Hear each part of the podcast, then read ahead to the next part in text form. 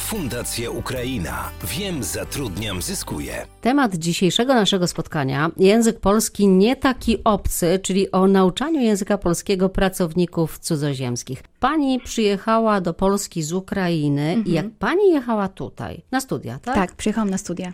To pani znała już język polski? Ja mam pochodzenie polskie. Krystyna Andrunewczyn, pochodząca z Ukrainy, absolwentka Dolnośląskiej Szkoły Wyższej. Mój dziadek e, był Polakiem, natomiast jakby kiedyś się urodziłam, to nie mieliśmy styczności bardzo z językiem, więc rozumiałam coś, mogłam przeczytać, kilka słówek się pojawiało w domu, natomiast nie rozmawiałam po polsku. Przed e, rozpoczęciem studiów chodziłam na kursy językowe we Lwowie, natomiast przyjechałam i uczyłam się takich podstawowych słów. Pomogły mi studia, bo zaczęłam studiować psychologię, uczyłam się, dużo czytałam. Myślę, że pół roku mi zajęło takiego studiowania, uczenia się, przebywania po prostu typowo w środowisku polskim, bo byłam jedynym cudzoziemcem w grupie, więc i po prostu musiałam się nauczyć tego języka. Wiele osób e, przyjeżdżając do obcego kraju zamyka się w swoim Tak. środowisku. To nie pomaga. Więc ja na szczęście, tak jak się mówi, byłam rzucona po prostu na głęboką wodę. Które z tych kursów są najbardziej skuteczne? Bo na tym chyba wszystkim najbardziej zależy. Są to przede wszystkim osoby pracujące, często zmianowo, posiadające rodziny i mm, siłą rzeczy mają mało czasu, żeby nauczyć się języka. Marta Gołębiowska, lektorka języka polskiego jako obcego, Uniwersytet Wrocławski. I tutaj już właśnie duża rola e, leży po stronie e, nauczyciela, żeby kurs był zorganizowany jak najbardziej e, efektywnie, tak żeby uczący się czerpał radość z nauki języka i żeby się jeszcze czegoś nauczył. Myślę, że taki najbardziej efektywny kurs e, nie może być zbyt intensywny, także nie mogą to być spotkania codzienne, e, chociaż e, wiele szkół takie kursy oferuje i też trzeba powiedzieć, że mm, sami uczący się wymagają tego. Powiedzą, że chcemy przychodzić na zajęcia codziennie, żeby jak najszybciej się nauczyć. Tak A da nie się tak szybko? No właśnie.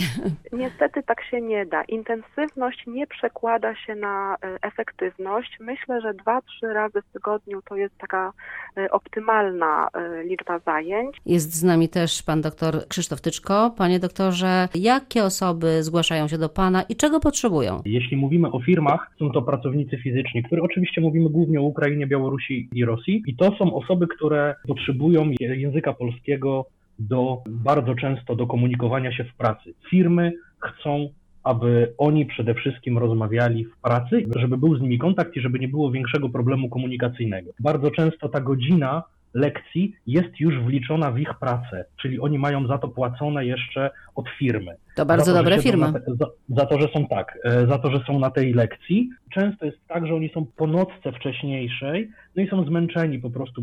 I teraz taki kurs rzeczywiście może być intensywny i szybki, żeby tam podstawy e, złapać, natomiast e, wiąże się to z tym, że w domu zazwyczaj nie ma możliwości powtarzania, bo po całym tygodniu pracy 12-godzinnym po prostu w sobotę i w niedzielę chce się najzwyczajniej w świecie odpocząć i wtedy nauczanie się rozciąga automatycznie. To jest chyba idealna sytuacja, kiedy firma właśnie opłaca kurs, wlicza te godziny lekcyjne w godziny pracy. Natomiast nie wszystkie firmy to robią i pracownicy, cudzoziemcy często muszą sobie organizować to sami we własnym zakresie. To jest troszkę też kwestia takiej świadomości u przedsiębiorców czy pracodawców. Łukasz Rogoziński, specjalista nauczania języka polskiego jako obcego, Dolnośląska Szkoła Wyższa. Świadomości tego, jak bardzo ważna jest komunikacja, jak bardzo ważny jest język. To jest nie tylko kwestia tego, żeby się dogadać czy porozumieć, ale umiejętność porozumiewania się przekłada się również na to, że wyrażamy siebie, wyrażamy emocje, jesteśmy lepszymi współpracownikami. Bardzo często słyszę e, od moich studentów, e, którzy przychodzą na kurs po kilku miesiącach e, życia w Polsce, mówią, że zanim przyszedłem na kurs, myślałem, że mówię po polsku i trochę znam ten język, bo, i teraz uwaga, tu jest taki piękny cytat mojego studenta, e, zawsze go przytaczam, bo Polaki rozumią, co ja mówię. Proszę Państwa, mamy pięcioczłonowe zdanie, a w tym zdaniu mamy cztery błędy. Także tutaj oczywiście wielkim sukcesem jest sprawność komunikacyjna, którą już Słowianie mają na samym początku, ale mm, bardzo często w języku nie chodzi tylko o komunikację. My nie możemy się tylko komunikować, my musimy mówić po polsku i musimy mówić poprawnie. Tym bardziej, że wiele osób potrzebują certyfikatu z języka polskiego jako obcego. Takie egzaminy organizuje nasz ośrodek Wrocławia. Obcokrajowcy potrzebują takiego certyfikatu do legalizacji swojego pobytu, do karty długoterminowego rezydenta, do karty pobytu czy też obywatelstwa.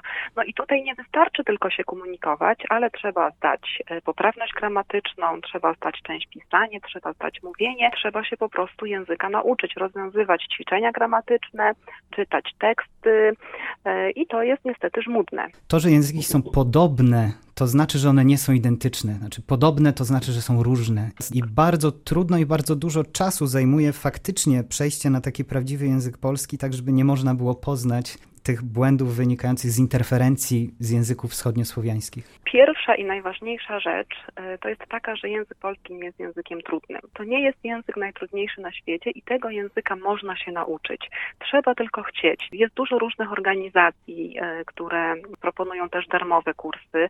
Jest Fundacja Ukraina, która organizuje kursy częściowo bezpłatne, częściowo płatne e, dla pracowników. Podejście jest różne w zależności od tego, kto kto i po co e, przyjeżdża. Czy przyjeżdża właśnie na chwilę zarobić i wyjechać, e, czy też e, planuje tutaj życie? Motywacja jest wewnętrzna i zewnętrzna. Takie poszukiwanie pracy i zarobienie i pojechanie na chwilę i wrócenie do swojego domu rodzinnego, do swojego państwa, to jest ta motywacja zewnętrzna, uzyskanie jakiegoś dobra materialnego i, i powrót do domu. Natomiast ta wewnętrzna motywacja, jako na przykład ja sugerowałam się jakimś rozwojem osobistym, chciałam się nauczyć języka swoich przodków. Co sugeruję? W każdym takim państwie, Białoruś, Rosja, Ukraina, są takie placówki, to są jakieś takie stowarzyszenia polsko-ukraińskie, albo właśnie stowarzyszenia, gdzie, gdzie ten język i kultura polska jest bardzo praktykowana. I jest tam to... można zacząć. Oczywiście, tam Pierwsze trzeba. Kroki. To, to jest właśnie połączenie z tą kulturą, tam jest bardzo dużo wydarzeń, przyjeżdżają osoby z Polski, którzy gdzieś tam mają to korzenia, więc jest bardzo ważne i bardzo istotne, już jeszcze będąc tam, zaczynać po prostu powoli łączyć się z tą kulturą, poznawać ludzi, wsłuchiwać się w język. Też mi pomogło bardzo oglądanie telewizji. Też są podcasty językowe, też bardzo polecam, kiedy wykonujemy jakieś czynności domowe, takie typowe, codzienne sprzątanie, posłuchanie, wsłuchiwanie się w ten język. Mi się wydaje, że tutaj jest istotne zbudowanie tego aparatu mowy. Mój dziadek e, właśnie był Polakiem, natomiast jakby on nawet tak długo mieszkał na Ukrainie, zamiast słowa łyżka mówił lyżka, więc jakby dla niego było kłopot właśnie z tak to wszystko poukładać, żeby ten dźwięk wydać. To Ale jest u pani nietypowe. łyżka już jest łyżką. Już jest, po siedmiu latach już jest. Myślę, że moi koledzy się zgodzą, y, że y, niekwestionowaną królową nauk jest jednak gramatyka, a nie matematyka. Ona zaprowadzi na szczyt. Tak sobie myślę właśnie, że kiedy pracownik staje przed pracodawcą i mówi pięknie, to jego pozycja Mhm. wtedy jest zupełnie inna. Miałem w firmie uczniów, którzy bardzo dobrze mówili w języku polskim, nauczyli się wcześniej.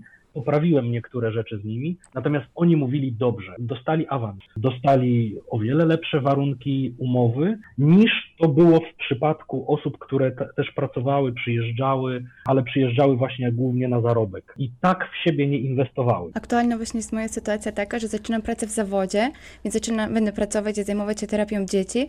I też zauważyłam, jakie to było istotne, kiedy przychodzę na rozmowę o pracy i pani do mnie mówi, jak pani pięknie mówi po polsku, więc jakby już jaki dla nich to istotne, że, że będę porozumiewać się z dziećmi, będę poprawnego języka tego uczyła, tak, że będę po prostu umiała współpracować i nawiązywać prawidłowe relacje właśnie w grupie z kolegami, z koleżankami, tak, w nowym zespole. To było dla mnie ogromnym atutem posiadania i właśnie umiejętność komunikowania, przyjść na rozmowę o pracy i nie zastanawiać się, i nie poszukiwać te słówka w głowie. Kolejną taką motywacją też może być to, że faktycznie chyba w nas, Polakach, jest trochę takiej sympatii, jeżeli widzimy, że ktoś próbuje używać naszego języka, języka polskiego. Także no, taki językoznawczy cytat z Ludwika Wittgensteina, czyli że granice mego języka wyznaczają granice mego świata. Poznając nowy język, faktycznie poznajemy nowy świat, również świat nowych możliwości. Audycja została zrealizowana w ramach projektu Integracja, Adaptacja, Akceptacja. Wsparcie obywateli państw trzecich zamieszkałych na Dolnym Śląsku, współfinansowanego z Programu Krajowego Azylu, Migracji i Integracji oraz budżetu państwa. Bezpieczna przystań, wyłączna odpowiedzialność za wyrażone opinie spoczywa na autorze i Komisja Europejska oraz Ministerstwo Spraw Wewnętrznych i Administracji nie ponoszą odpowiedzialności za sposób wykorzystania udostępnionych informacji. Fundacja Ukraina. Wiem, zatrudniam, zyskuję.